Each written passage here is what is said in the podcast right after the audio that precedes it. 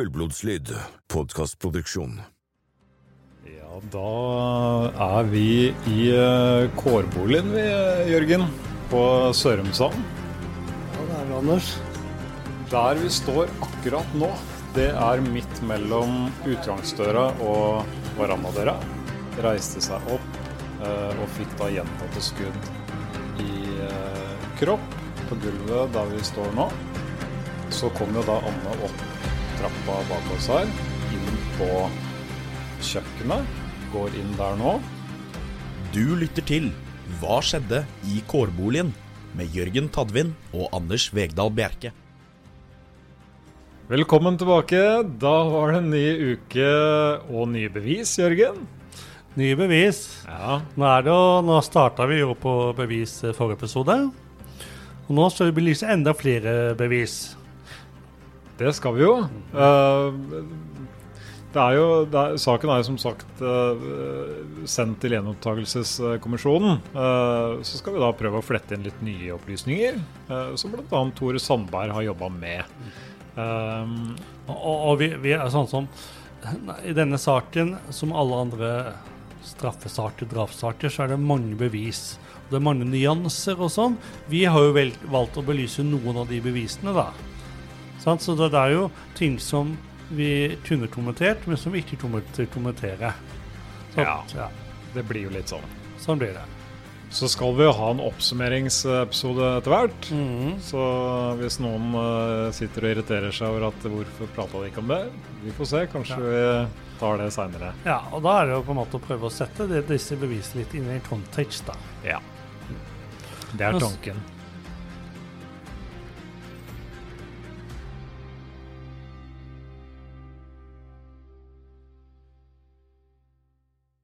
Skal, skal, vi rett og slett gå litt på, på alibi, Jørgen? Ja.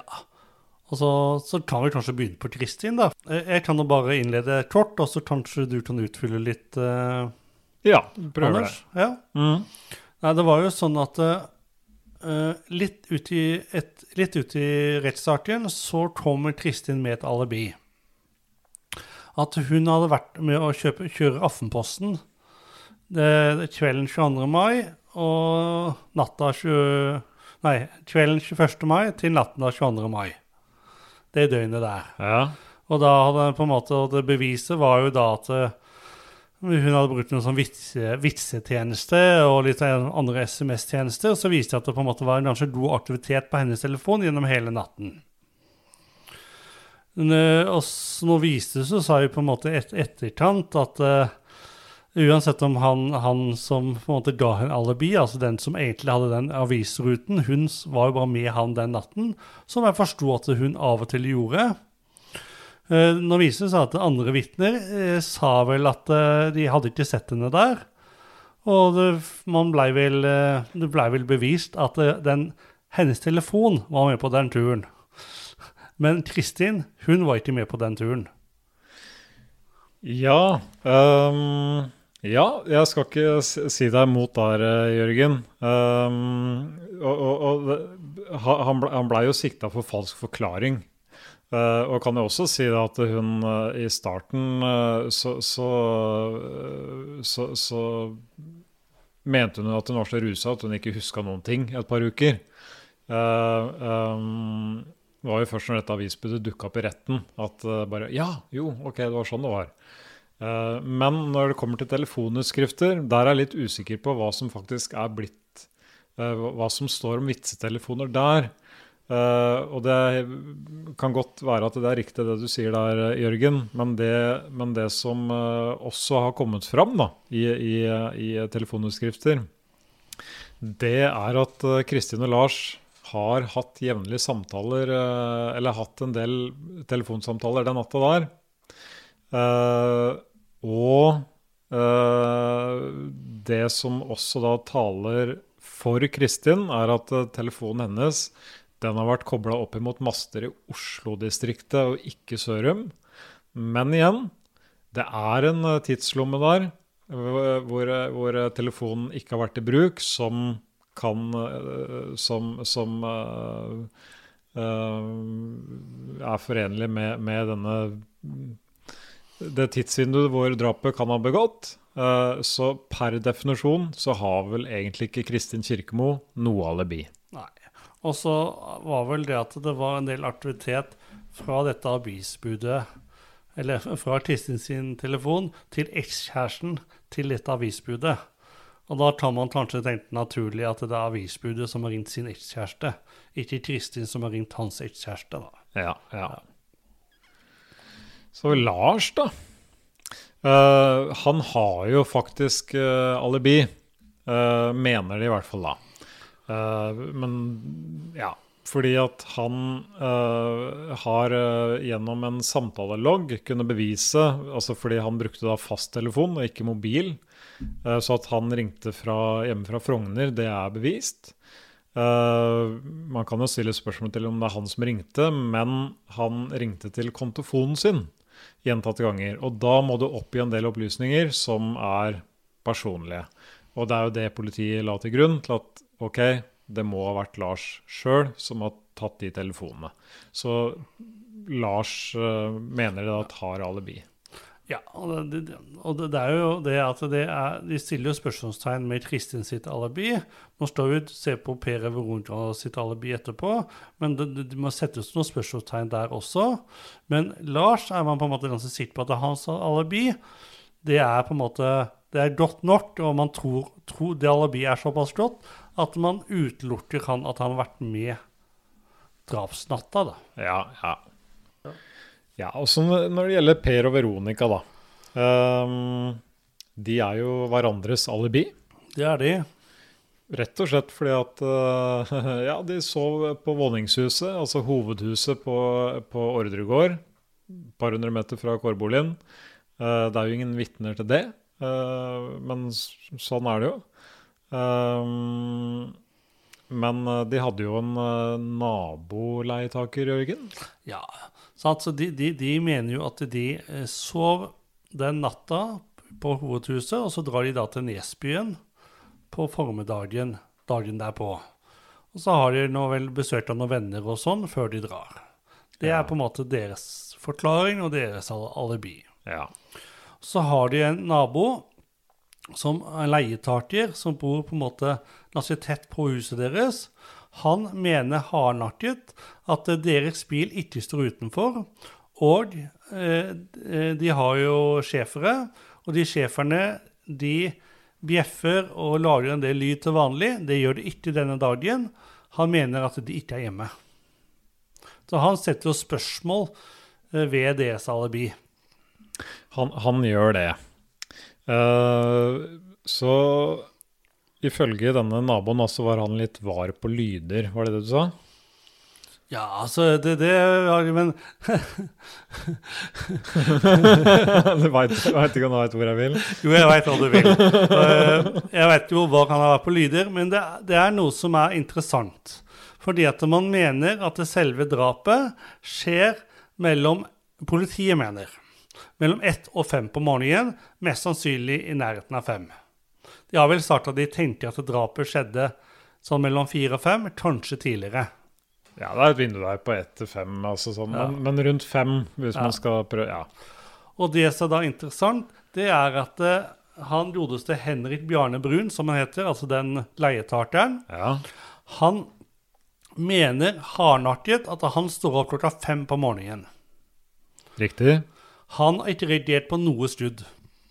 Han har ikke våkna i løpet av natta. At det, her er det, det er 200 meter mellom tåboligen og der de bor. Det er ikke noe trær imellom, det er bare et jorde.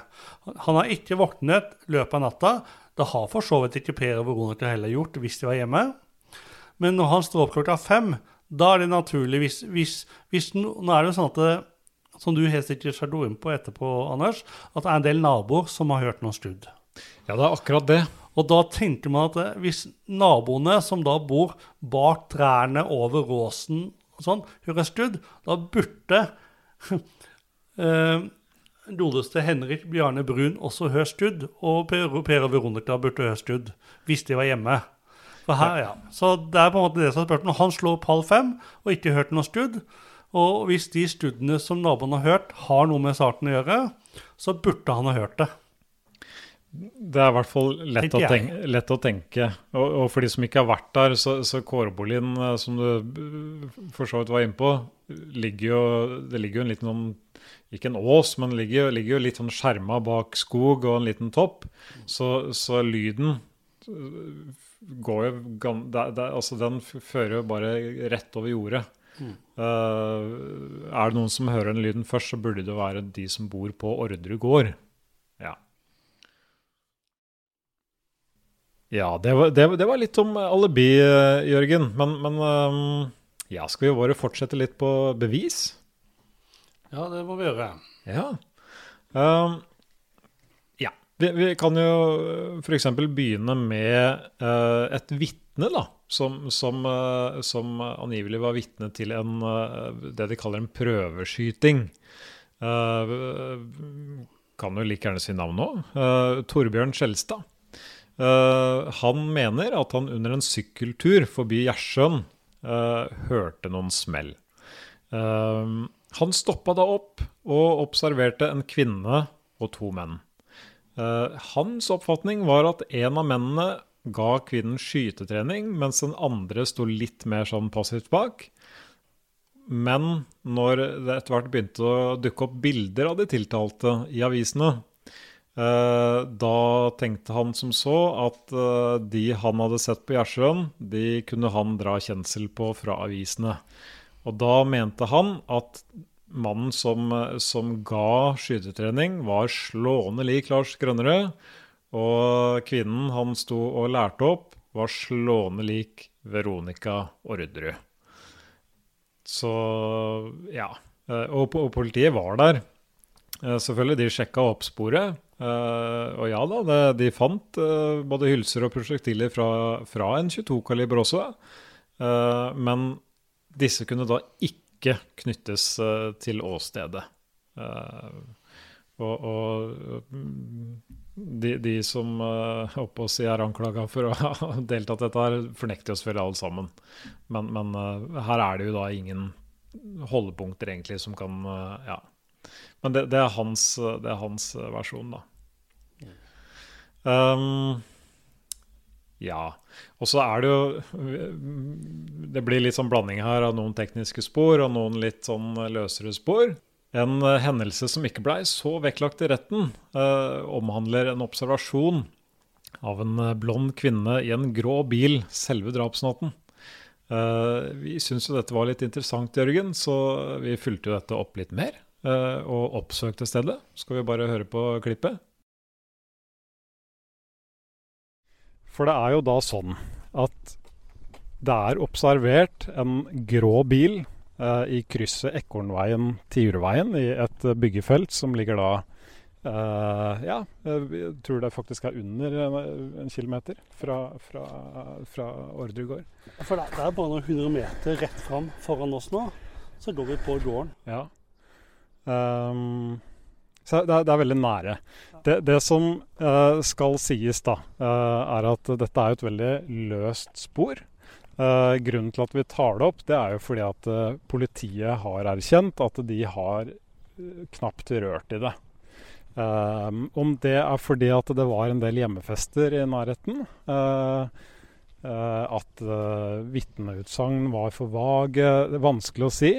Men eh, det som, slik jeg har tolka det, så er det vel rett og slett det at eh, de var litt for opptatt av å tenke i retning Per og Veronica og prate med de framfor å bruke tid på kanskje andre ting som de burde ha gjort. Um, for bak her, da, så, så var det et vitne som satt på verandaen der. ja. Han slapp ut katta si midt på natta. Ja. Eller tidlig, var vel i fire-fem-tida. Ja, det var, eh, det var sånn halv fem, halv fem-fem. Ja. Og da var det sånn I krysset her vi står, så står det en bil. Ja, det er um, akkurat, akkurat i det krysset her. Uh, og det som er litt suspekt, det er det som er, eh, det er, det som er uh, greia her. At hvorfor parkerer du en bil midt i et malplassere den midt i eh, krysset der? Flytte oss litt for den bilen. Um, og tidspunktet for når den bilen blei ble, uh, observert, uh, passer jo ganske bra i forhold til drapstidspunkt. Det huset vi nettopp så, uh, der var det jo en mann som, som blei vekket av katta si i, i halv fem-fem-tida. Han hørte to bildører som kjapt, uh, sånn rett etter hverandre, slamra igjen. Som om at det var to personer som gikk ut av bilen.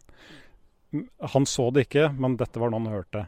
Så om han sovna igjen eller hva han gjorde Han, han ble i hvert fall liggende i senga. Eh, ble vekta, eller måtte opp igjen da pga. katta si litt seinere på morgenen. Og da, gjennom vinduet når han ordna seg kaffe og sånn, det var da først han så denne bilen som sto her. Men det han også da så, det var at det kom en kvinne gående mot denne bilen.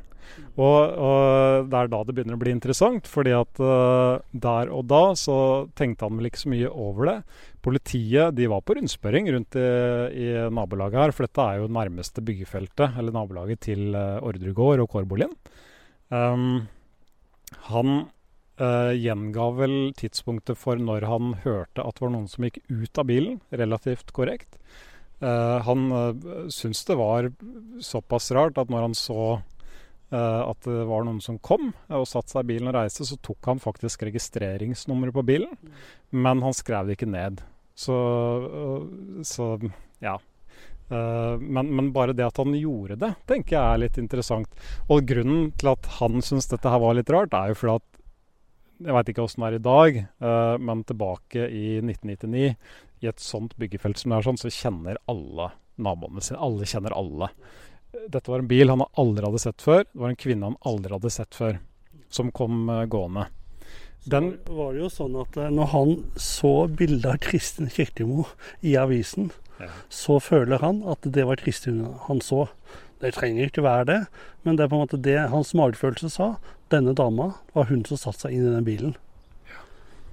Men det er, no, det er, jo en del, eller det er noen som tilsier at det ikke er Kristin også. Kortere hår var vel ikke så høy som Kristin heller. Mm. Men det var iallfall det han følte. Nettopp. Det var, uh, han syntes det var slående likheter med Kristin Kirkemo. Uh, høyde er det jo vanskelig å, å, se på avstand, selv om nå snakker vi ja, Hvor langt er det bort til huset der, Jørgen? 20 meter? Ja, 30? Um, uh, så, så, høyde, den syns jeg er litt sånn Ja, vanskelig å se. Hun hadde på seg frakk, visstnok. Mm. Det kan uh, Ja.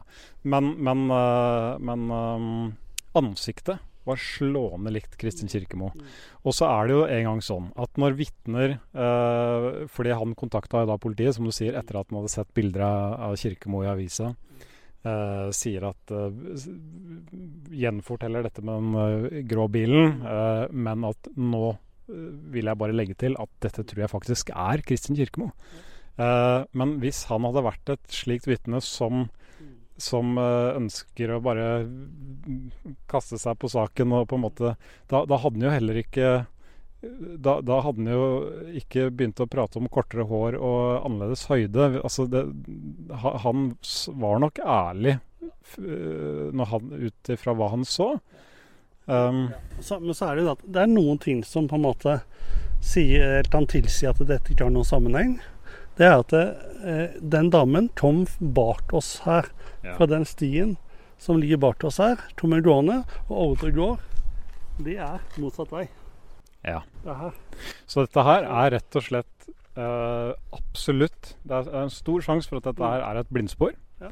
Men, uh, men um, grunnen til at vi allikevel uh, måtte hit og se Jørgen, er jo fordi Nå, nå har jo for de som kjenner saken litt, da, så, så så, så, har man kanskje sett at VGs krimreporter Øystein Milli, uh, som også har skrevet bok om saken og TV-serie og sånn. Uh, han har stått her sjøl. Det han har gjort, det er at han har gått opp veien herifra til kårboligen for å se om eh, det lar seg gjøre uten å bli veldig eksponert. Mm. Og det er fullt mulig. Det som Men da gikk de vel rett og slett fra bilen og rett bort. Men denne, dette vitnet er veldig bestemt på at denne kvinnen kom fra motsatt side. Skal vi Um, bare ta turen og så se om det går an å gå den veien og så komme seg til Orderud? Vi kan gjøre det. Kan, kan, kan jeg bare lufte et par tanker mens vi går? Jeg må bare få litt melkesyre i armen. Ja.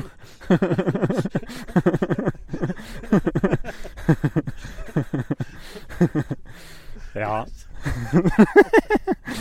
Eh, nei, for, for det som, det som eh, jeg syns eh, som ikke har eh, blitt påpekt Tore Sandberg har jo nøsta opp i veldig mye den siste tiden. Én ting som ble funnet hjemme hos Grønnere, det var en parykk, Jørgen. Mm, det? Det må vi vi, kan, vi må prøve å finne ut av det, åssen den parykken egentlig så ut.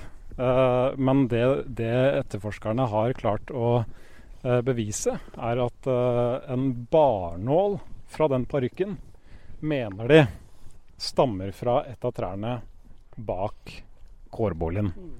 Så hvis det er sånn at det er Kirkemo som har kommet her, eh, så, og med kortere hår, så, så kan jo parykken være, være en forklaring på det. Og det at vedkommende kommer fra motsatt retning, er, er jo da like naturlig med tanke på å, å um, eh, I forhold til det med avledning, som å parkere her og ikke eh, rett utenfor kårboligen, eller Ja, ikke sant? Så, så, så hvis, eh, hvis denne personen er Kirkemo For det er jo på en måte Nå har vi alle til å gå rett foran oss nå. Ja, Det er på en måte en teoretisk mulighet. ja f.eks. her. Går Mellom garasjene her. Du vil gå rett på. Vi går.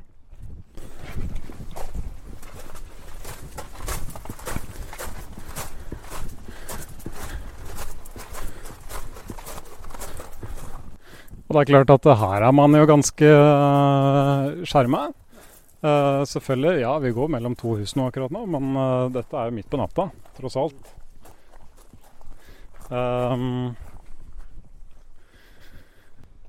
ja, så det er, det er mye, mye busker her.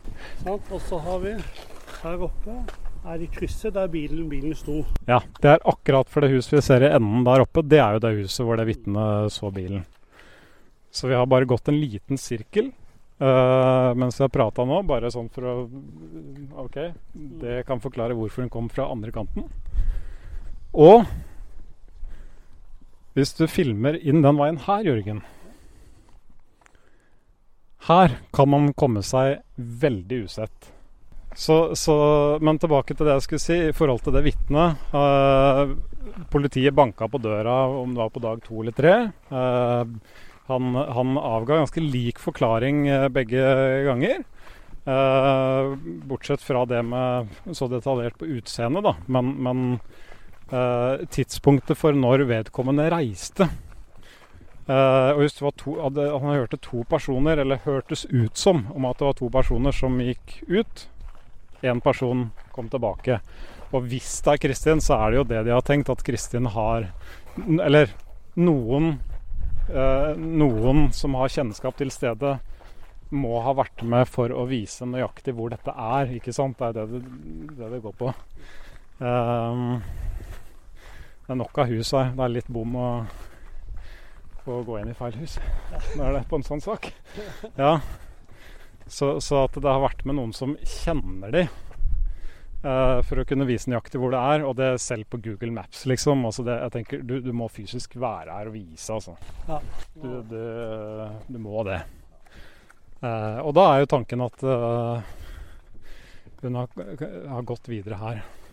Men jo, dette vitnet som da s- forklarte at uh, hun dro i Jeg tror det var mellom halv åtte og åtte. At det var det vitnet sa i uh, når politiet banka på døra. Men når han henvendte seg til politiet noen uker etterpå, når han så bilder av Kirkemo i avisene, så justerte han tidspunktet til mellom halv seks og seks, tror jeg det var. Og det er klart, det passer jo Da passer jo brikken bedre inn i uh, puslespillet. Uh, og det er jo det som er litt skummelt med vitner sånn. Så, så dette her må vi jo absolutt ta med en uh, klype salt. Uh, er helt uh, fullstendig uh, Det er fullstendig kritikkverdig av politiet at de ikke har fulgt opp dette her mer. Vi trenger ikke å gå hele veien nå, det ble litt kjedelig å vise. Vi aldri går rett bak oss. Rett bak oss, kårboligen rett til høyre for oss. Så jeg tenkte i løpet av et par minutter så hadde vi vært på Orderud gård nå, hvis Ja. vi hadde ønska det. Ja.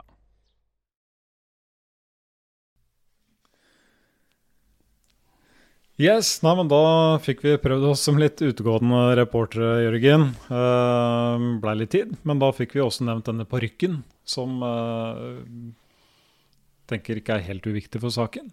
Uh, kan jo bare legge til før vi hørte klippet, da, i forhold til uh, disse skuddene. Det var jo uh, flere naboer som hørte skudd. Um, men, men grunnen til at vi ikke har lagt så stor vekt på det, er for at de har jo da Alle, alle som har hørt skudd, har, har angitt forskjellig tidspunkt. Uh, og da er det jo umulig å ta tak i det, rett og slett. Så, så ja, Nei, det var bare som en liten kommentar til den i stad. Uh, men når vi først er inne på bil, Jørgen. Det er jo en blå van. Ja, altså det er jo Det er jo noen biler som er observert i området, som man ikke helt veit har noen sammenheng. Men det er en blå van som er litt interessant. Nå har vi på en måte snakket litt om den grå, eh, den grå bilen, som på en måte man stussa litt over hvorfor han sto der i krysset. Men så er det sånn at det er en blå van. En blå van som Per Paus observerer i forbindelse med DAS-attentatet eh, når det skjedde. En blå amerikansk van, sier han. Og så er det sånn at Ole Robert, som er da bror til Kristin Ove Veronica, han sier at han har gode kilder i det jugoslaviske eh, miljøet. Eh, og de kildene han sier at det, det er to menn og en kvinne som har utført dra disse drapene. Eh, de- Disse tre menneskene forlat, forlot åstedet i en blå Chevrolet van med skinnseter og sota vinduer. Og det er da en amerikansk van. Chevrolet van er en amerikansk van. Ja, Så det på en måte sammenfaller litt med det jazzattentatet og det P. Paus så. Som Også- da de skal ha fortalt til Ole Robert sjøl, Ja. er det du mener? Ja. Og, og, og følge Ole Robert så er dette gode kilder. Ja. Og troverdige kilder. Men da var dette en bil som var parkert på fremsiden av kårboligen, var det så? Ja, Det vet jeg ikke hvor de Det har jeg ikke noen opplysninger på om. Men, men at det kildene til eh, Ole Robert sier at det, det er to menn og en kvinne som har utført selve drapene. Og de, eh, de har dratt av gårde i en blå Chevrolet-van. Riktig. Og Ja. så er det sånn at det er etter drapene også er flere naboer som har observert en mørk, blå amerikansk van. Aha. Så sånn sett så kan man å si i forbindelse med både attentatene og drapene, så er det tre minst tre uavhengige kilder som nevner en van. Ja. Så er det spørsmål om de har sammenheng, men det er på en måte interessante opplysninger, da. Veldig interessante opplysninger. Det er jo det. Og dette er jo spor som politiet var veldig interessert i tidlig i etterforskningen, men på en måte valgte å ligge bort. da. Ja Um, um, Jo, det var, det var jo en eh, Det var jo observert en dame, uh, Jørgen. En uh, ukjent kvinne. Uh, kan ikke du bare si litt om det? Ja da. Helt riktig, Anders. Det har jo, har jo på en måte vært observasjoner av en dame, og i forbindelse med en bil også. Jaha. Det er enda en bil et, etter her. Fordi at det, det er sånn at en taxisjåfør Det var en del fester eh, den natta og de eh, måte natta før og natta etter drapene. Da er det en drosjesjåfør som heter Thomas. Han sier at han ser en ukjent bil som står utenfor eh, boligen til Per og Veronica på gården. Hoved, hoved, eh, hovedbygget Drapsnatten. drapsnatten. Eh, og så er det sånn at uh, mellom halv tre og tre observerte han en grønn bil, en Volkswagen Passat eller en Audi av litt eldre type. altså det Han sier den kanskje 1984-1986-modell. Parkert inntil Innlandspartiet til da ekteparet Per og Veronica sitt hus. Ja, for nå er vi da ikke utafor kårboligen, nå er vi på selve gården. Ja, og da er det jo spørsmål hvem, er, hvem sin bil er det? Og så Ja, sant. For, for, for dette er eh, Den bilen står der når Per og Veronica mener at de er i Nesbyen. Ja, riktig. Sant. Ok, så det, dette er på Det er på en måte Var, det, var dette dagtid eller, eller på natta? Eh, Den bilen er jo observert på natta, men er, de er i Nesbyen. Ja, eh, mm. Når på en måte det er eh, det tidsrommet de er i Nesbyen. ja riktig. Ja. Så der skal på en måte ikke være noe hjemme i det bygget der. Nei. Uh, og, i det, eh, og da er det jo sånn at uh, ved deres hus så dukker det også plutselig opp en kvinnemenneske ved hovedinngangen, som en turgåer som lufter hunden sin, ser. Hun mener at denne kvinnemennesket kommer ut av, eh, av, av huset, og når hun eh, eh, dette kvinnemennesket ser denne turgåeren med hund, så snur hun brått, sånn at det akkurat som om hun skulle glemt noe hjemme, og går tilbake og inn i huset igjen. Hvem dette kvinnemennesket er, det vet vi ikke. Og om det har noe sammenheng, eller om de stemmer, det er også spørsmålet, da. Men det er på en måte det hun observerer. Ja. Ja. Men, men hun, hun, eh, hun observerer også denne bilen. Så det er på en måte Thomas, taxisjåføren, og denne turen, de observerer den bilen. Og så er det det som gjør at dette Iallfall troverdigheten til Thomas er til stede. Det er at eh, alle andre observasjoner Thomas gjør denne natta, det stemmer overens med bevis som Eller det politiet mener er bevis, da. Ja, ja riktig. Ja, så, Som en liten oppfølging når vi først er eh, så godt inn i biler. Uh, du nevnte jo i stad um, noen uh, litt større biler. Uh, Opptil flere. Um, og for å, for å holde litt på det bilsporet litt til, uh, Jørgen. Um, nå, nå nevnte jo du i stad at det var snakk om en del større biler. Og det syns jeg er litt interessant. for at, Husker du når vi dro tilbake til Sørumsand for å, for å se, prate litt om den grå bilen? Så, så tok vi oss en liten tur på baksiden av kårboligen, hvor man antar at uh, gjerningspersonen eller personene gikk ut. Um, der er det observert noen bilspor. Uh, vi tok med oss uh, lydutstyr. Skal vi bare høre kort hva vi, hva vi prata om da? Skal vi ta turen oppover? Ja, fordi nå er vi på vei gjennom Vi, vi tenkte å bare ta en kjapp tur gjennom uh, skogholtet, hvor man antar at sjansen er størst for at uh, gjerningspersonen eller personene har forlatt åstedet. Og det er jo da gjennom fra den knuste døra på baksiden av kårboligen, gjennom dette lille skogholtet her, til en, et hus som tilhører gården, som de kaller Fjellet. Skal vi, skal vi bare Oi, unnskyld, gå opp den veien? Så skal jeg bare Må jeg bare nevne en uh, først uh, Dra inn noe, noe uh, Det er jo ikke lagt fram som noe bevis, men, men Lars Orderud, som er fetteren til Per, han Han oppsøkte, eller han tok vel sikkert vare på, da, eh, jeg veit ikke, det huset eh, som de, tomta de kaller Fjellet. Eh, og han var der dagen etter drapene, eller det kan ha vært samme dagen. Det var, det var, det var, det var svært tett på. Jeg tror det var samme dag, altså. Ehm, han har sett bilspor, fremmede bilspor, eh, utenfor det huset. Og det som er viktig da å nevne, det er jo at huset på den tida var ubebodd. Det var ingen som leide, så der kunne man fint parkere. Man kunne skifte til hva man ville, helt usett. Gå tvers gjennom skogen der vi gikk nå. Bom, rett inn i kårboligen. Det som er litt eh, Og fjellet vi, vi ikke, Nå veit vi ikke om noen bor der eller ikke, men det ligger jo da rett der borte. Så vi trenger ikke å gå bort. Men, men uh, det hadde det ikke vært for at det er litt tett uh, krater nå, så hadde man jo sett takene fra, fra, det ene stedet til det andre. Og så er det det, det krysset vi var her tidligere, der vi så den bilen og den blonde dama, ja, ja. det er rett borti her. Ja. Så det er fullt mulig.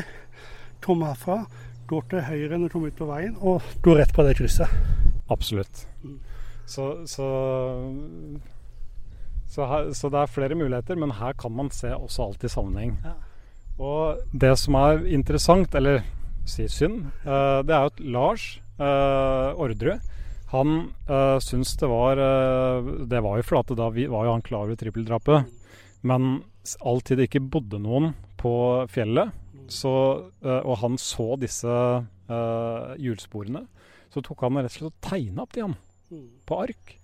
Uh, og venta på at politiet skulle komme og avhøre han. Fordi han var jo nær familie. Han var, bodde, uh, bodde, ikke på fjellet selv på det tidspunktet, men like ved. Uh, men politiet oppsøkte han aldri. Så han måtte selv oppsøke politiet, jeg tror det var etter en måned. la fram disse tegningene, og det er da hjulspor, ganske brede hjulspor. ingen biler han kjente til, så, så en litt større van eller eh, en eller annen Ja, litt større bil, da. Um, uh, så, så, at noen har gått fra kårboligen dit, eventuelt om hvis vi skal ta høyde for den grå bilen, at de har splitta seg der, ikke sant. Kanskje utstyret har blitt lagt i den bilen. En kvinne har gått og satt seg i en grå bil i byggefeltet rett borti der. Hva veit vi. Men, men, at de ikke tok mer tak i det hjulsporet, syns jeg var veldig rart. Når, når, de var veldig enige om at gjerningspersonen, eller personene, kom ut fra baksiden av kårboligen, som er rett der. Ja. Ja, det var eh, Da har vi, da vi snakka litt om biler og observasjoner eh, ja, rundt det. Um, for å gå litt mer konkret på selve åstedet, Jørgen. Der er det også en del funn. Mm. Um, man har jo bl.a. noen skoavtrykk uh, som man knytter opp imot uh, et par sko som uh, man mener er kjøpt lille julaften. Mm. Um, jeg kan prøve å forklare litt, og så kan du bare kommentere hvis du Ja. Um, altså, Såleavtrykk er jo da funnet ved alle likene. Både i TV-stua, soverommet, kjøkkenet osv. Um, et av avtrykkene man kunne bruke for å identifisere skoene, ble også funnet oppå et glasskår. Og sålesporene ble undersøkt nøye for å finne riktig skotype, og sammenligninger ble jo gjort av sko fra hele verden. Uh, hvor de da til slutt landa på at uh, det var en sko av typen uh, Mark Bowen Streetwear i størrelse 40. Um, da var det jo å finne ut hvilke butikker som solgte disse, da. Og eventuelt håpe at kvitteringer kunne gi noe svar. Ja, det, måte, de, de, mente jo det var en damesko. Sånn når man sier damesko, så trenger man på en måte høyhælte sko. Sånn. Det er det jo ikke. Dette noe som ser ut som en sånn sherrouts eller noe sånt. Noe sånt. Det er jo på en måte Ja. Ja, nei, jeg har ikke Nei, Jeg vet ikke om du har sett det stoene, men det, det, det, det, ser ut på en måte ikke Det er ikke noen typisk damesto. Det er sånn vintersto, kanskje. Um, og så er det jo størrelse 40. Som ja. kan antyde at uh, Ja, ja, greit nok det er en damemodell, men en, en, mann med Det kan godt hende at uh, en mann kunne brukt damesto, da. Absolutt, absolutt. Mm. Um, og uh, apropos kvitteringer, man fant jo faktisk ut at det var uh, to par sko av nøyaktig samme type som ble kjøpt kontant på det som het Lille Vinkelsko på Majorstua. Uh, ja, noen minutter etter stengetid og, og få timer før dette lille julaftenselskapet på Ordre gård i 98. Eh, noe som underbygget påstanden om at det var funnet sted en drapsplanlegging på Ordre gård. Eh, kan jeg bare legge til at det var registrert 161 skosalg av denne typen i det aktuelle tidsrommet. Eh, eller i forkant av julen generelt, da. hvorav 34 av de var kjøpt kontant. Og dette var før jul, Jørgen. Eh, det er lett å tenke at her har mange kjøpt julegaver. Så ja, vi kan la den henge litt. Men, men eh, det, var, det var mange sko av den typen som ble solgt på den tida. Altså, Før, altså- før julegave. Og så må jeg innrømme at sånn som en sånn dokumentarserie som noen kanskje kjenner til fra NRK, 'Gåten Orderud', så la de fram en kvittering. Og, Ja. ja. Jeg må innrømme, når jeg ser på den kvitteringen, jeg kan vise deg etterpå, Anders, så står det ikke Majorstua på det. Det står Manglerud senter. Gjør du det? Ja, Så det er på en måte den samme skolebutikken, men den er ikke Hvis den kvitteringen er riktig, og det må vi anta da, når de filmer bevis, Jo, jo, jo. så står det ikke Majorstua på den kvitteringen, det står Manglerud. Ja, OK. Ja, Men eh, jeg, jeg har på en måte ikke gravd i det, jeg kan ikke påstå noe som helst. Men jeg husker jeg stussa veldig på det. Ja, ja, ja. Mm. ja men greit, greit å merke seg. Um, ja. Nå er vi, jo, er vi jo på spor på, på selve åstedet. Da kan vi bare kjapt uh, ta et, uh, et blodspor som ble funnet uh, under et glass. Um, for det ble jo da funnet blodspor fra Marie. Um, dette blodsporet det lå mellom to glassbiter ved siden av henne, altså ved siden av den knuste verandadøra. Og nå er vi litt over på, på noe Tore Sandberg har eh, gravet litt i, da. Um, dette blodsporet lå da under en glassbit som, hvor han da tenker at eh, ok, da må den glassdøra ha blitt knust uh, etter at Marie er drept. Um, passer kanskje fint å ta det i en oppsummering, men, men, eh, men eh, er det et litt løst spor? For jeg tenker sånn, hvis du knuser deg på vei inn en, en eh, verandadør, det ligger glass, glasskår på gulvet, du begår drapene, på vei ut, dulter borti med en skotupp, og et glasskår vipper over et annet, ja, der har du et blodspor mellom to glasskår. Jeg, ba, jeg bare sier det med en gang før jeg glemmer det. Men, men uh, ja. Um, uh, det var litt om den. Men, men da nevnte jeg jo den knuste døra, og den er egentlig litt uh, spesiell. Fordi Og da er vi jo også på, litt på Tore Sandberg, da. Um, ja, for politiet er jo helt overbevist om at det var der gjerningsmennene gikk inn. Um, mens uh, mens uh, Sandberg mener det motsatte. At de da heller knuste seg på vei ut. Um, politiet sier at glasskår lå kasta betydelig lenger inn i rommet uh, enn ute.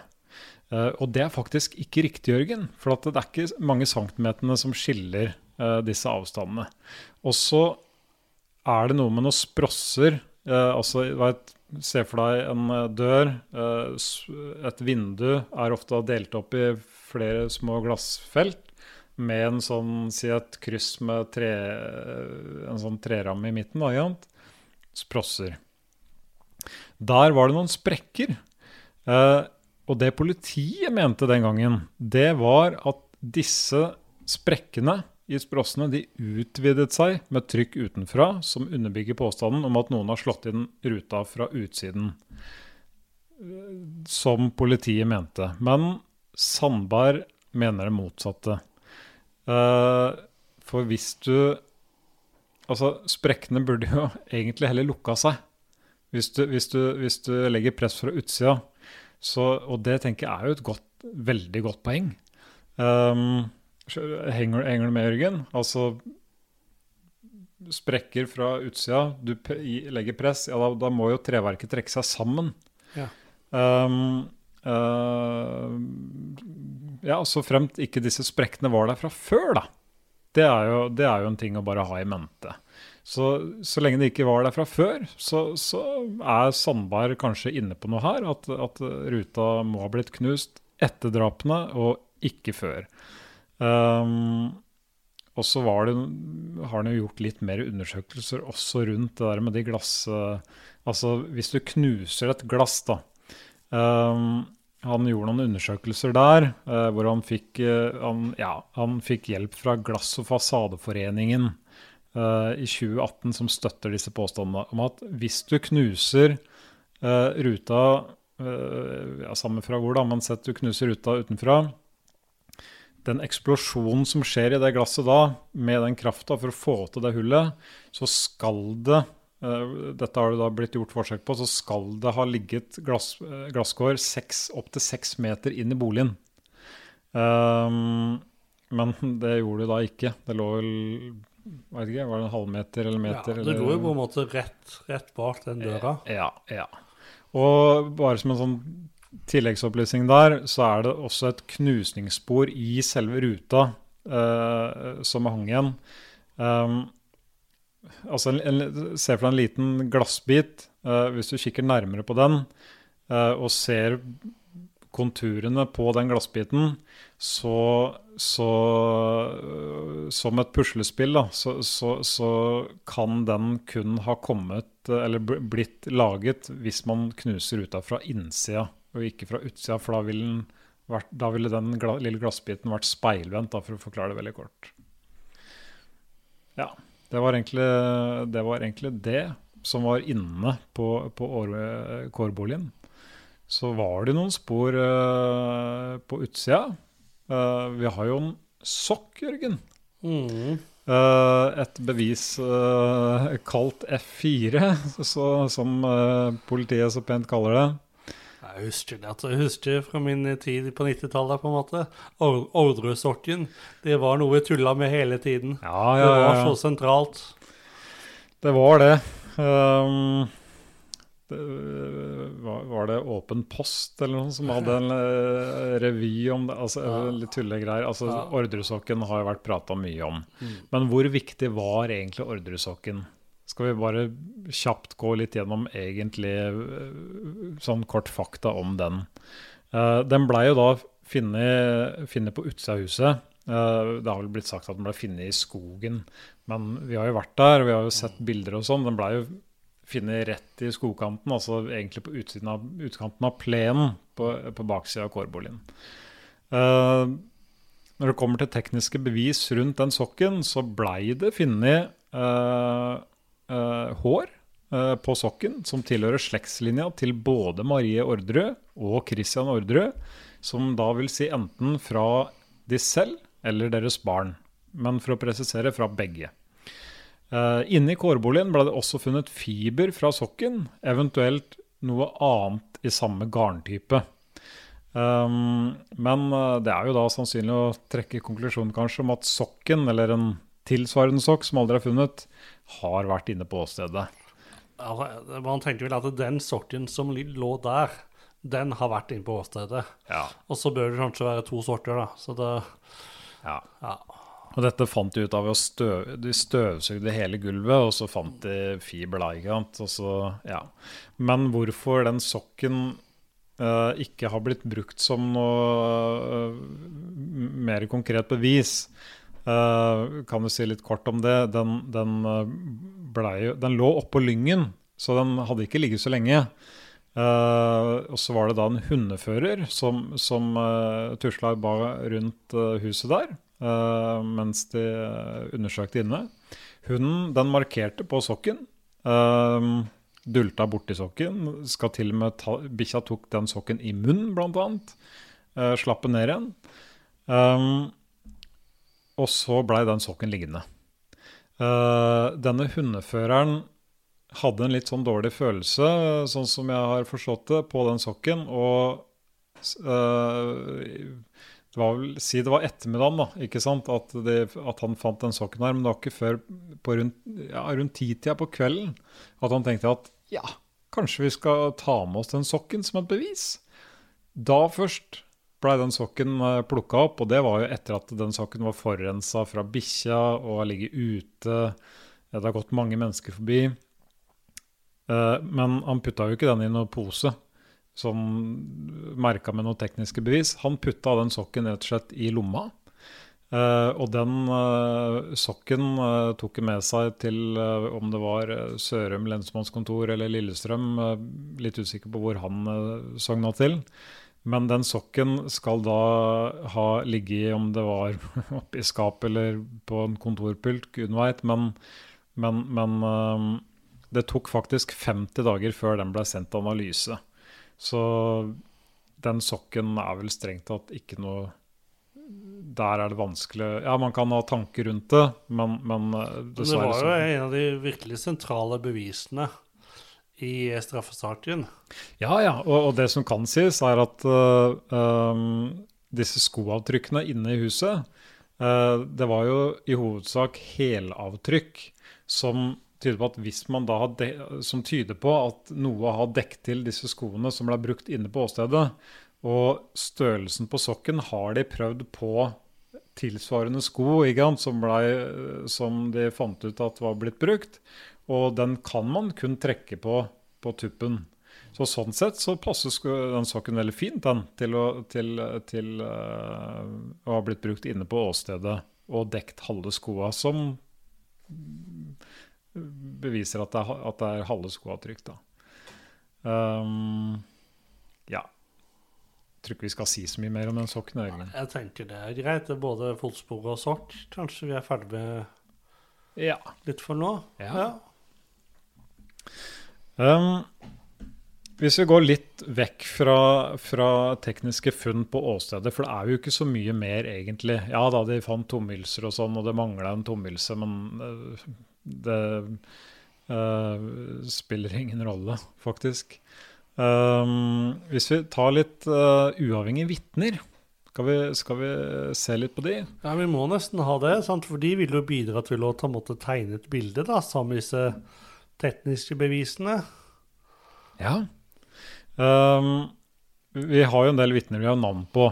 Men for å bare først kanskje ta en uttalelse fra flere uavhengige vitner. Um, de skal ha sagt at Kristin Kirkemo skal ha uttalt høsten 1998 at hun skulle drepe tre mennesker, slik at sønnen hennes kunne arve gården. Uh, og nok en gang, disse vitnene var uavhengige av hverandre. Uh, og de sier det samme. Kristin sa hun skulle leie noen eks-jugoslaver fra Sverige for å utføre drapene, for å så forlate landet igjen. Mm. Det er det disse uavhengige vitnene har fortalt. Og så kan vi jo si at eh, det har jo vært sendt noen tilståelsesbrev, bl.a. fra Sverige. Ja da. Fra når de som sies å være jugoslaver i, i Sverige, og som er levert til politiet. Jeg Tenk på de som kom rett et, få dager etter drapene. Ja, og da var det på en måte ikke Da er ikke Kristin sikta, da er det på en måte ikke Veronica eller Per. Ingen er på en måte innblanda i saken da. Nei. Så, men det valgte jo på en måte politiet ikke å se nærmere på, og jeg forstår at uh, det er litt usikkert om statsadvokaten har fått nyss om dette her før det kommer nå opp i seinere tid. Men på en måte ved at uh, det vitneutsagnene som var noen jugoslavere fra Sverige skulle være innblandet i drapet, og tilståelsesbrevet. Mm. Så kan jo underbygge hverandre uten at de vet ja. noe mer om det, da. Ja da. Ja da. Uh, det er, og, og, og, dette er jo også en del av det som Sandberg har lagt til lagt, samla i saken sin. da. Så er det jo Uh, videre, da, for å bare holde litt på Jugoslavia. Uh, Espen Orderud, uh, en fetter da, av Orderud-familien. er stor familie, så, så, jeg sier bare fetter. Jeg er faktisk litt usikker på om hvem sin fetter det er. han gjorde egne undersøkelser. han møtte en mann på et utested som heter Cosmopolitan i Oslo. Uh, der blei han fortalt at drapene blei begått av to innleide leiemordere fra det tidligere Jugoslavia. Uh, disse skulle da ha kommet fra eks-Jugoslavia rett i forkant, for å så dra tilbake like etter. Det, det er det Espen Orderud uh, han tok jo da saken litt i egne hender når han syntes politiet ikke uh, også de fikk ut fingeren, at de hadde låst seg litt fast i et spor. Så, så, valgte han å undersøke litt, og det var, det var, det svaret han fikk på byen da, når han uh, gjorde sine egne, undersø egne, undersøkelser. Så det var litt om vitner, uh, vitner det, Jørgen. Ja, så det, det er jo interessant. Uh, Kommer flere vitner, men det tar vi etterpå. ja. Og så veit vi på en måte Og det er spørsmål om hvor mye vekt vi skal legge på det. Nei, hver, hver, altså hvert vitne for seg er, eh, er jo ikke holdbart, men det er jo når man begynner å samle litt, at man kan tenke noen baner. Men da må man jo selvfølgelig være eh, objektive nok til å ikke eh, gå i de samme fellene som politiet gjorde på 90-tallet. Mm. Nei, altså, altså så vet jo det er bare en liten sånn uh, anførsel i en marg. Men vi vet jo det at Kristin under rettssaken ved en feiltagelse forsnakka seg litt og sa 'vi' når hun mente å Ja. si 'de'. Ja, den er litt gøy. Ja, sant? Og hun skulle forklare Det var vel Hun henviste vel til Per og Veronica når hun forklarte 'de', eller Og så plutselig sa hun 'vi' istedenfor. Og da, men hun redda, redda så fort inn, da. Ja, stemmer det. Stemmer det. Det, det, det. var, det var i lagmannsretten, Jørgen. Ja. Hun, hun forteller om eh, den påståtte drapsplanleggingen. Og så var det snakk om noen sokker utenpå sko for å unngå skoavtrykk og sånn. Eh, Det ble foreslått å bruke glasshammer og teip på vinduet og sånn for å unngå bråk. Altså litt sånne detaljer. eh, Som hun da ble konfrontert med i retten. Eh, og i retten da på spørsmål om hvem det var som kom opp med ideen om å bruke engangsdresser for å dekke til kroppen, så svarer Kristin at det var Lars som kom med ideen at vi Og så retter hun seg selv og sier da de skulle bruke engangsdresser. Så det er jo spørsmålet var det en forsnakkelse. Vi lar den uh, henge litt, kanskje. Det var nok for forsnakkelse. Det var det nok. Men om det antyder at eh, Om det Ja, er man tar... snakka, sa feil, eller om det var forsnakkelse, er jo to forskjellige ting. Men, uh, ja. Men den er litt, den er litt interessant. Hadde, for hvis du hadde vært i retten, Jørgen, hadde du Hadde du uh, sagt 'vi'? eh, nå, nå, nå, er vi på en måte langt inne antydede ting. Okay. Men det er jo fort å tenke at eh, at, at eh, hvis, hvis man tenker seg at Kristin har vært med på det, så er det mye løgner og mye å følge med på. At man forsnakker seg litt innimellom. Det kan godt hende. Uh, mm. Ja. Nei, men det er godt vi er to, sånn at Ja. ikke jeg, jeg begynner å bevege meg utpå Så kan du dra meg inn igjen, Jørgen, hvis ja. jeg blir litt engasjert. Nei. Eh, hvor skal vi gå videre? Eh, så Det er jo et, et, på en måte et bevis som, som eh, politiet la litt vekt på, som ikke vi har pratet om. Fordi at hjemme hos eh, Sverre Kirkemo Ja. så fant man jo en bag som tilhørte Kristin. ja, det er riktig, det.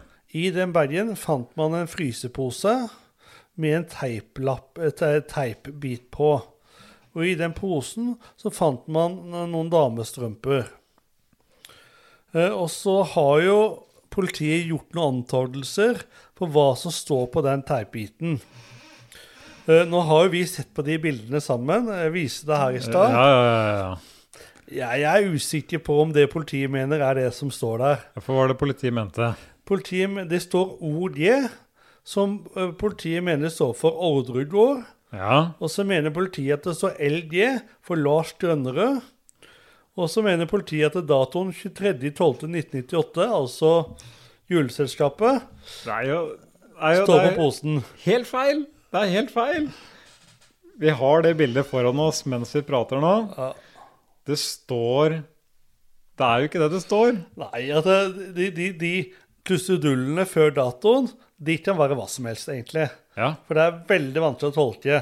hva Man kunne tenkt seg, Hvis man på en måte skal bruke fantasien, kan det på en måte det kan stå OL, Ole Robert. en Jeg, jeg syns det står Ole, men, Ja. eh, men eh, det står eh, og, og, og det der man mener altså LG, det er virkelig krusedull. ja, Det er noe Det er ikke, det er ikke to forskjellige bokstaver. Det, ser, det er to sløyfer. Det kan se ut som en stor U, men det er i hvert fall to identiske sløyfer. Det er ikke to forskjellige bokstaver. Men det som på en måte er ganske tydelig for meg, det er at det ikke står 23. Nei. Det står 22.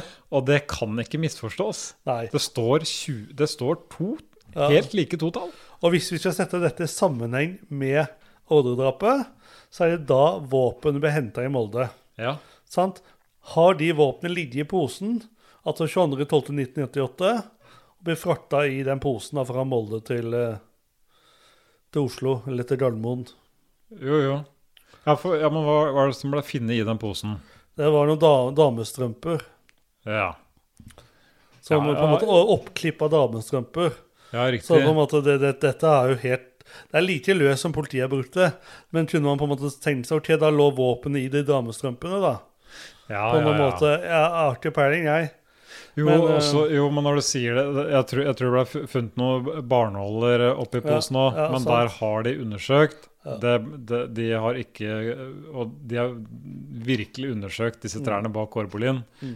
De stemme, kommer ikke derfra.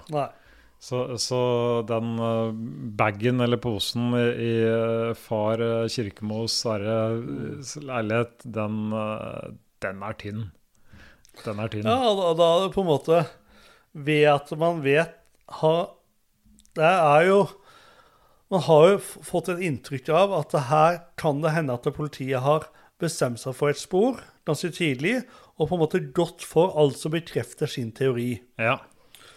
Eh, og når man ser på den teipbiten der, og hva politiet mener det står, så har de hatt veldig godvilje. Det, det, du, du må myse veldig hardt for å mene at det er det det står. Og da bekrefter på en måte den teorien at de har bestemt seg ganske tidlig for gårdskonflikten, og at Per og Veronica, Lars og Kristin er innblandet, og på en måte går for det uansett. Ja. Og det har vi jo sett flere ganger, at de har bare oversett spor fordi at det ikke passer til forklaringen med at det skal være Per og Veronica. Men det er en, eh, et, eh, et vitne som, som jeg syns er eh, kanskje det mest spennende. Og det er Ole Robert Kirkemo. Han har jo nevnt litt tidligere i serien. Det er jo da broren til Kristin og Veronica. Um, han kom sammen med moren Bodil på Sentrum politistasjon i Oslo og mente at den satt på relevante opplysninger. Han mente at minst én av de som satt på tiltalebenken, kjente til sannheten. I herresretten så forklarer han at Kristin hadde vist han to våpen på låven på Ordre gård lille julaften, og ifølge Kristin så skal hun ha sagt at disse skulle leveres til en torpedo i Oslos underverden. Eh, Men derimot senere så kom han med en ny forklaring. Og det var det at Kristin hadde sagt at de skulle brukes til å drepe Per sine foreldre, og at det hadde noe med arv å gjøre. Eh, Så skal han ha sagt at Per kom inn og ble sint fordi Kristin hadde vist han våpenet. Um, så kan man jo stille spørsmål til eh, om politiet kan ha jobba litt mye med Ole Robert i avhøret her. Det kan være. For når man kom til lagmannsretten, så ville han ikke uttale seg. Han var på god vei. Sa han skulle forklare seg, måtte ha en tenkepause, og så en røykepause, og så trakk han seg. Um, 16 år etter så svarer han, eh, uttaler han seg faktisk til NRK uh, om hvorfor han svarte som han gjorde. Og da må jeg nesten bare skal vi se, da må jeg nesten bare lese opp sånn at det blir ordrett her. Jeg var i et umenneskelig press fra alle kanter, med politi, familie og alt. Jeg kan ikke stå inne for å ha løsningen på noe som helst. Så han, altså han mener han følte seg presset til å si noe fordi alle vil ha svar, spesielt hans mor, sier han. Videre sier han uh, at han forstår folk som tilstår en sak bare for å få folk fornøyd, fordi man blir så utkjørt i hodet av, etter så mye press. Uh, og jeg har vært i kontakt med han Jørgen. Uh, bare la oss si det sånn at han ønsker ikke å uttale seg. Um, kan også legge til at jeg har vært i kontakt med Kristin Kirkemo. Uh, men da jeg la fram at det var en podkast om saken jeg ønska å prate med henne om, så opphørte kontakten. Um, så er det sagt. Ja, og så- og så er jo det litt sånn som vi nevnte tidligere i episoden, at uh, Ole Robert eh, påstår jo også at uh, han har hørt fra det jugoslaviske miljøet at det er to menn og en kvinne som har gjort drapet. Så Ja. han har jo hatt mye forklaringer. Han har antydet at han vet noe. Men om han gjør det, det vet du jo ikke. Men han har iallfall antydet flere, flere, på flere måter at han har kunnskap om dette her. Ja. Ja, det var litt om uh, vitner. Um, så er det jo en dagbok, da, som ble funnet på våningshuset. Uh, altså der hvor Per og Veronica bodde på Ordre gård. Um, der er det en side datert 30.6.1997 hvor hun har skrevet om svigerforeldrene. Her står det um, Det er litt sterke ord, men dette er da som sagt en dagbok som er ment for at ingen andre skal lese. Uh, svina vil ha rettssak, og da henviser hun til den sivile rettssaken uh, om gårdstvisten, uh, i forkant av drapene. Jeg veit jeg synder, men jeg ønsker dem døde. Rett og slett. Det skrev hun. Eh, Den samme datoen hadde Per og Veronica blitt klar over at faren hadde hyret inn advo eh, advokat for å hjelpe faren da, i, i denne gårdskonflikten. Eh, Veronica forklarte jo uh, at dagboka var en måte å få ut frustrasjon på, og at hun følte seg bedre etter å ha skrevet. Altså, det er jo det dagboker er til for. Um, men for, politi, uh, for politiets del altså, så var jo dagboka uh, ble jo den mye vektlagt i retten. Uh, som som uh, underbygde teorien på at Veronica hadde svært dårlig forhold til Pers foreldre. Og, og, ja. Men ja. Det er en dagbok. Der kan man si akkurat hva man vil. Ja, og så er det noen som påstår at uh, Veronica Det var litt over hvor glad Veronica var i Per, var spørsmålet. Om det var Ja. på en måte penger som uh, var motivasjonen. Ja. Var det sammen med en som var så på så mye eldre? 18 år eldre, eller hva det nå var? Ja, det var, det var noe sånt. Ja. Um, ja, ja, for jeg har jo for så vidt prata om forhold tidligere, at de var så forelska. Nå, nå var vel det strengt tatt Per som uh, var mest kjent for å være stormende forelska i Veronica. Uh, Veronica må jo få lov til å si selv hva hun uh, mener, men hun har jo allerede uttalt seg om det tidligere. Hun har fortalt til venninner, også til ekskjæreste Nå snakker vi helt tilbake til da forhold, starten av forholdet, eh, hvor hun var åpen på at uh, Altså, hun sa ikke da at hun ikke likte Per eller noe sånt, men, men uh, at hun blei tiltrukket av, av denne tryggheten det forholdet kunne gi, da, med, med, med, med i forhold til fremtid og, og, og ja, bo, bosted og økonomisk trygghet, da. Så jeg tror ikke vi skal grave noe dypere i det, men, men. Når vi først er innom um, uh, Per og Veronica og våningshus og sånn, det er jo et bord der, eh, Jørgen, um, hvor, eh, hvor dette såkalte vådeskuddet gikk av. Har du lyst til å bare si litt om det?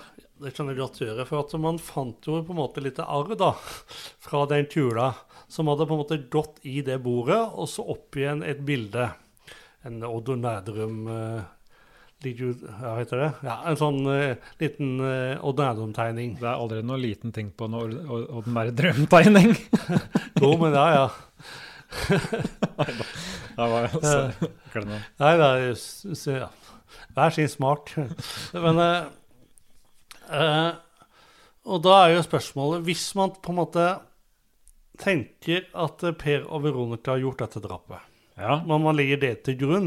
Og, man, og de har vært supernøye på å planlegge. De har brukt ullsorter ute på sto. De har på en måte fjerna så mye bevis. For det ingen, vi kan ikke linke de til selve drapene. Nei, nei, nei. Og kanskje spesielt Per. Han har vi på en måte ikke noe koblinger til utenom motivet i seg selv. Nei. Da er det veldig rart at de ikke har kvitta seg med det bordet. For det var jo det som var problemet. Når eh, Lars u, eh, sa i avhør om de skuddene, og Kristi begynte å prate, og de begynte å prate alle sammen, Ja. da, tar, da må jo politiet dra fram, eh, ta turen til eh, på nytt. Ja, ja, Og da ja. tar de, tar, fjerner de duken på bordet, og der står du. Det er jo merket fra kula. ja. Så, så det er veldig, veldig rart hvis, eh, hvis disse har gjort drapene, at de ikke har kvitta seg med det bordet når de har vært så nøye på så veldig mye annet i denne saken. Ja, for det er eh, ikke sant, det er bare sånn rent hypotetisk. da. Det blei henta to eh, pistoler fra, fra Molde. Den ene er beviselig ikke brukt på, på, eh, under drapene. Den andre har man ikke funnet. Så, så om det så har gått av et vådeskudd, og de tenker at ja, ja, men dette er jo ikke drapsvåpenet, så er det så farlig. Har man hvis, Det er jo som du sa nå, ikke sant, at hvis man da har tydelige spor på at her har det vært et våpen i hus, og av samme kaliber som man har tenkt å bruke øh, noen måneder etterpå Nei, man, lar, man kaster jo det bordet, Jørgen. Ja, det, er, det er på en måte Hvis de har gjort drapene, så er det veldig rart når de har vært så nøye på så mye annet, at de er såpass amatørmessige Ja. på å ikke kvitte seg med det bordet. Ja. Nei, det, det, det, det, er Jeg tenker det går ikke an å, ikke tenke de baner. Um, ja. Uh, vi har jo prata om disse våpnene, da, ikke sant? Uh, vi nærmer oss slutten der, da.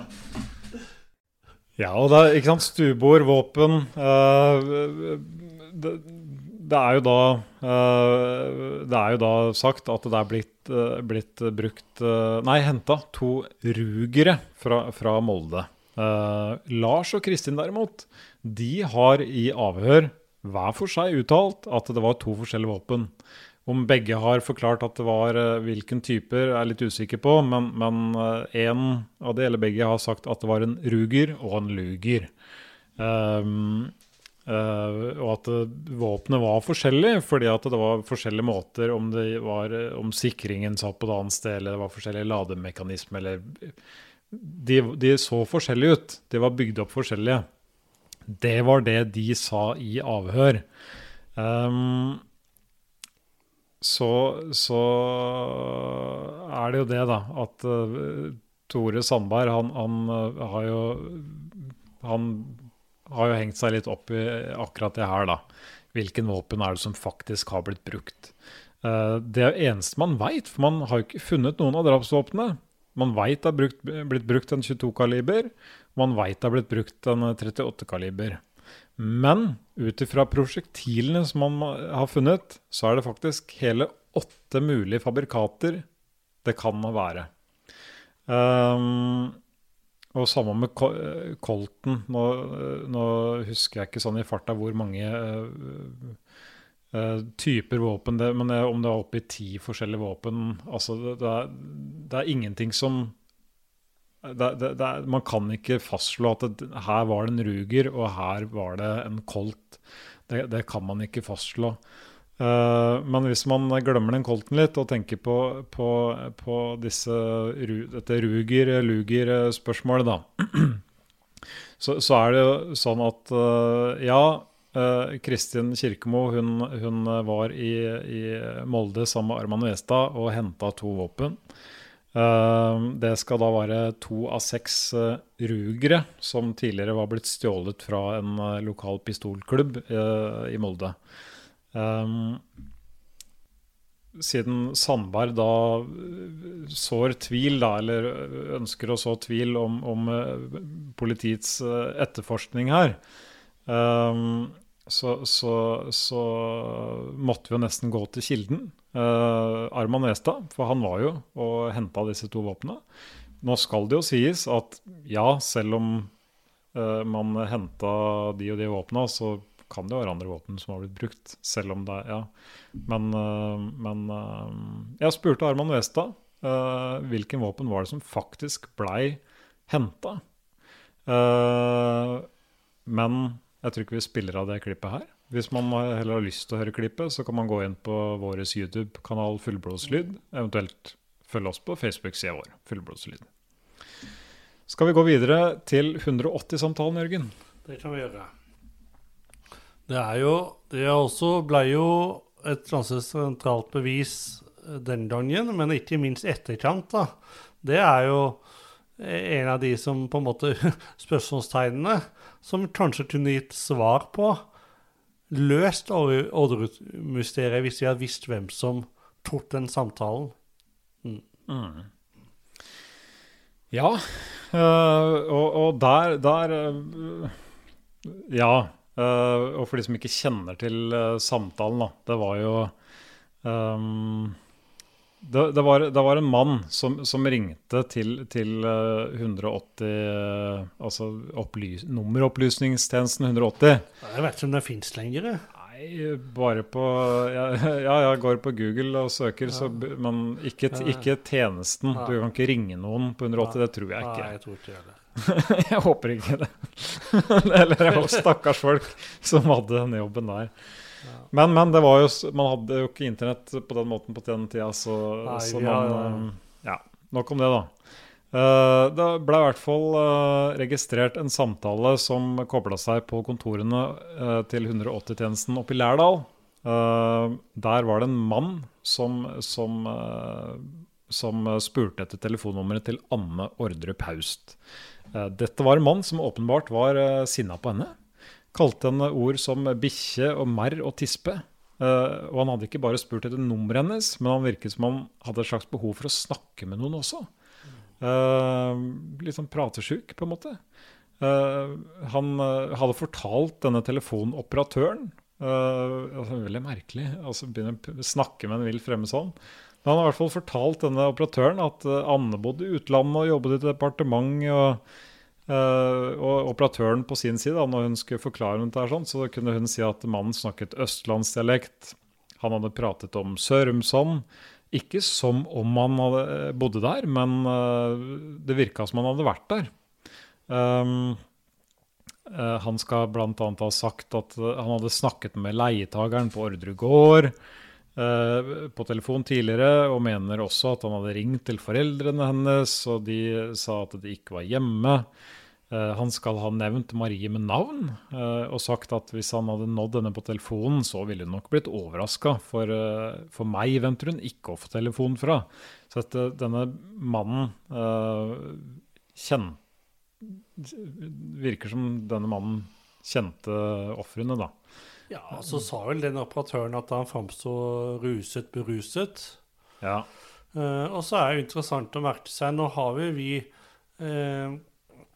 tidligere på en måte kobla Anne Odderud Paus opp mot uh, politikk og det motivet, men han her han er ikke fra Jugoslavia. Han er Han framstår som en Jeg prater da bare slått norsk at ja. det framstår som på en måte en nordmann, da. Ja, ja. helt riktig. Han, han snakka flytende norsk og, og hørtes ut som en voksen person. Uh, Uh, alder er vanskelig å si, men, men en, en, en, voksen person. Uh, ja, og da satt jo politiet selvfølgelig i gang med en kjempeetterforskning. Uh, dette var jo før smarttelefon, så var det dyrt å ringe inn til sånne tjenester. Så, så, det var ikke så vanlig med å ringe, å, å ringe 180 i over fem minutter. Eh, det kjenner vi til, Jørgen. At man eh, ringte, fikk et nummer og la på. Det, det var steindyrt. Veldig dyrt. Eh, så da var det ikke så vanskelig for politiet også begynne å snupe inn på OK, hvem er det som har hatt så lange samtaler, og i dette tidspunktet. Og da kom de ned til 513 samtaler. Eh, men det var jo eh, både fra privatpersoner og firmaer det var blitt ringt fra, så nøyaktig hvem som hadde ringt, det kunne jo da blitt vanskelig. Men faktisk så dro politiet og besøkte samtlige av disse 513 abonnementene. Eh, og med tanke på ansatte, hvis det var firmaer eller husstandsmedlemmer, da, hvis det var privatnummer, så er man faktisk oppe i nesten 24 000 personer som det potensielt kunne ha vært. Uh, men politiet gikk gjennom 24 000 personer manuelt for å sjekke hvem er det som eventuelt kunne kobles til saken, enten om det var sikta, familie, venner, vitner, hva som helst. Der gjorde de eh, faktisk en meget uh, grundig jobb. Um, og da fant de faktisk ut at det var en samtale som, um, som ble gjort uh, Var det 12. mai? Jo, 12. mai. Uh, fra huset til Sverre Kirkemo. Uh, nå skal det sies at Sverre var ikke hjemme. Um, og, og, og, den fasttelefonen som da ble brukt, den var da tilknytta et budtransportfirma som Som, som, som, som Kristin Kirkemo, var det vel? Nei, det, det var nok Synnøve og hennes ektemann. Ja, sånn var det. De, de, drev et budfirma, og det var kanskje ekte, eller iallfall ektemannen som drev det firmaet, og så sammen med Synnøve. Altså det Synnøve jeg har nok nevnt henne tidligere, men de er søsteren til Kristin og Veronica. Ja, mm, ja, men det er riktig, det. det var, og han, han, tok jo flere telefoner den kvelden som han har satt i forbindelse med dagen. så, han, så han har satt uh, i forbindelse med sin jobb at han skulle skaffe kunder, så han ringte 180 for å få nummer til forskjellige bedrifter. Ja. Det på, og det, det, er på en måte beviselig Det kan stemme med ja, de telefonene som er tatt. Ja. Og så er det på en måte én telefon der da, som ikke han vedkjenner seg. Og da er spørsmål hvem har tatt den telefonen. Ja. Uh, og da har man jo sett på hvem er det som var i huset, osv. Um, uh, og det, kort fortalt, da, 12. mai uh, Fredrik heter han, samboeren til Synnøve. Han hadde bursdag. Uh, og ifølge Synnøve så var de to til stede i huset, samt Kristin Kirkemo og en uh, venn som het Gunnar. Uh, og han Gunnar vitna i retten om dette her, da. Uh, og han mener huske at det var en til der, uh, en venn av Fredrik. Og mener også at Ole Robert kanskje befant seg i kjelleren, og var i kjelleren dette her var, da. men Synnøve skal på et tidspunkt ha vært på Manglerudsenteret på dagen og kjøpt roser, champagne og sånn. Så de var på en måte da ute av huset en periode og har ikke helt oversikt over hvem som ja, der er det et tidspunkt da, hvor man ikke helt har oversikt. Um, men hun, på spørsmålet om Fredrik var hjemme hele dagen, så sier hun at ja, men han var deler av dagen på kontoret og ringte etter kunder for firmaet, som du sier. Uh, når aktor spør om uh, hvordan han fikk tak i kunder, så svarer hun jo da som du sa, Jørgen, han ringte 180 uh, mellom halv ti og halv tolv omtrent. Uh, så ringte han ganske jevnlig. Men han ringte 180 kun én gang, og det var halv ti. Um, så hvis Fredrik ikke selv er 180-mannen, uh, hvem var det som tok den siste samtalen? Nei da, så, så, bare veldig kort oppsummert. Uh, de, de uh, Altså Veronica og Per var innom huset, faktisk. En veldig, veldig kort periode. Uh, men er skrevet ut av den saken. Ja, Man er ganske sikker på at det ikke er Per. Ja. Jeg vil måtte at det, det, det, det Man er ganske sikker på at det ikke er Per som har tatt den ja. telefonsamtalen. Ja. Um, og det går litt på tidspunkt, blant annet, da. Uh, og, og ja, og, og, og, den som skal ha ringt, skal også ha fremstått litt rusa, ifølge, ifølge uh, operatøren, da. Um, men det er jo litt nyere informasjon om uh, denne 180-samtalen. Um, det var en mann som, som, uh, som, som politiet hadde oppsøkt tidligere, men som da hadde holdt tilbake opplysninger. han kunne nå fortelle at Lars, altså Lars Grønnere, og en kvinne var inne om, innom verkstedet hans en maidag i 1999 fordi Lars trengte hjelp til å fikse en bil. Denne kvinnen skal sies, det var ikke Kristin, men uh, en dame som i dag er død, altså hun er identifisert. 14. mai klokka 10.34 så viser utskrifter at det ble foretatt en samtale til 180-sentralen, som gikk da til Lærdal. fra dette verkstedet mens Lars var der inne med bilen. Uh, samtalen varte i 6 minutter og 6 sekunder. Eh, det er for øvrig samme dag som Per Paus gravlegges. Eh, så ja, man kan knytte samtalen opp imot uh, huset til Sverre Kirkemo, men der, er det, der har de gått så grundig gjennom hvem som var i huset, og hvor de var til enhver tid, så de står fullstendig uten spor. Men det siste sporet der Litt interessant, men vi veit jo ikke. Nå har jo vi hørt lydklipp av Veronica Orderud. Ja, det har vi gjort. Over flere episoder. Ja, ja. Så jeg vil bare si det sånn det er, at uh, vi kommer til å legge ut hele det intervjuet i sin helhet på YouTube, i vår YouTube-kanal.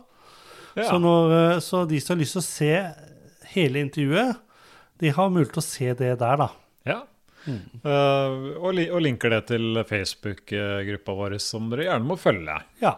Ja. Og, da, da, og på Facebook så er det jo mulig til å stille spørsmål, og der har vi en chattefunksjon, og det er bare tomme innspill, altså. Ja. ja. ja. Så, så, vi legger jo ut hele det klippet, Jørgen. Uh, og det er jo som sagt en del ting som peker mot uh, Kristin så langt. Uh, og dette har vi jo spurt Veronica om. Helt til, til slutt, Veronica. Syns du personlig, bortsett fra Per, da, at det er noen andre i saken som har fått en ufortjent straff? Ja, altså jeg lurer nok på Lars Grønnerad. Det, det, må jeg si. Jeg har liksom alltid hatt vanskelig for å tro at, at han har fortjent den, den straffen. At han har vært involvert kanskje i forhold til å hjelpe Kristin på et eller annet nivå, det, det er godt mulig. Men at han på en måte uh, ja, i hvert fall har gjort seg skyldig i den grad at han uh, fortjente Hva var det han fikk? 18, eller noe sånt noe? Ja, det, det, det, tror jeg nok ikke. Nei. Ja, jeg tenker at det er fint å gi seg nå, Anders. For nå har vi på en måte belyst eh, noen av bevisene i saken, og noen bevis har vi gått litt mer i dybden på. Ja. Det som er tanken neste episode, det er at vi skal oppsummere litt. Vi skal prøve å sette disse bevisene litt mer i kontekst. Og så kanskje dere lytter kan se en sammenheng. Dette, for her er det masse løse tråder. Men at man på en måte får samla trådene litt. Og kanskje får strikket en liten ullsort av det til slutt. Kanskje det. Ja. Nei, men Du har lyttet til en podkast produsert av Fullblodslyd.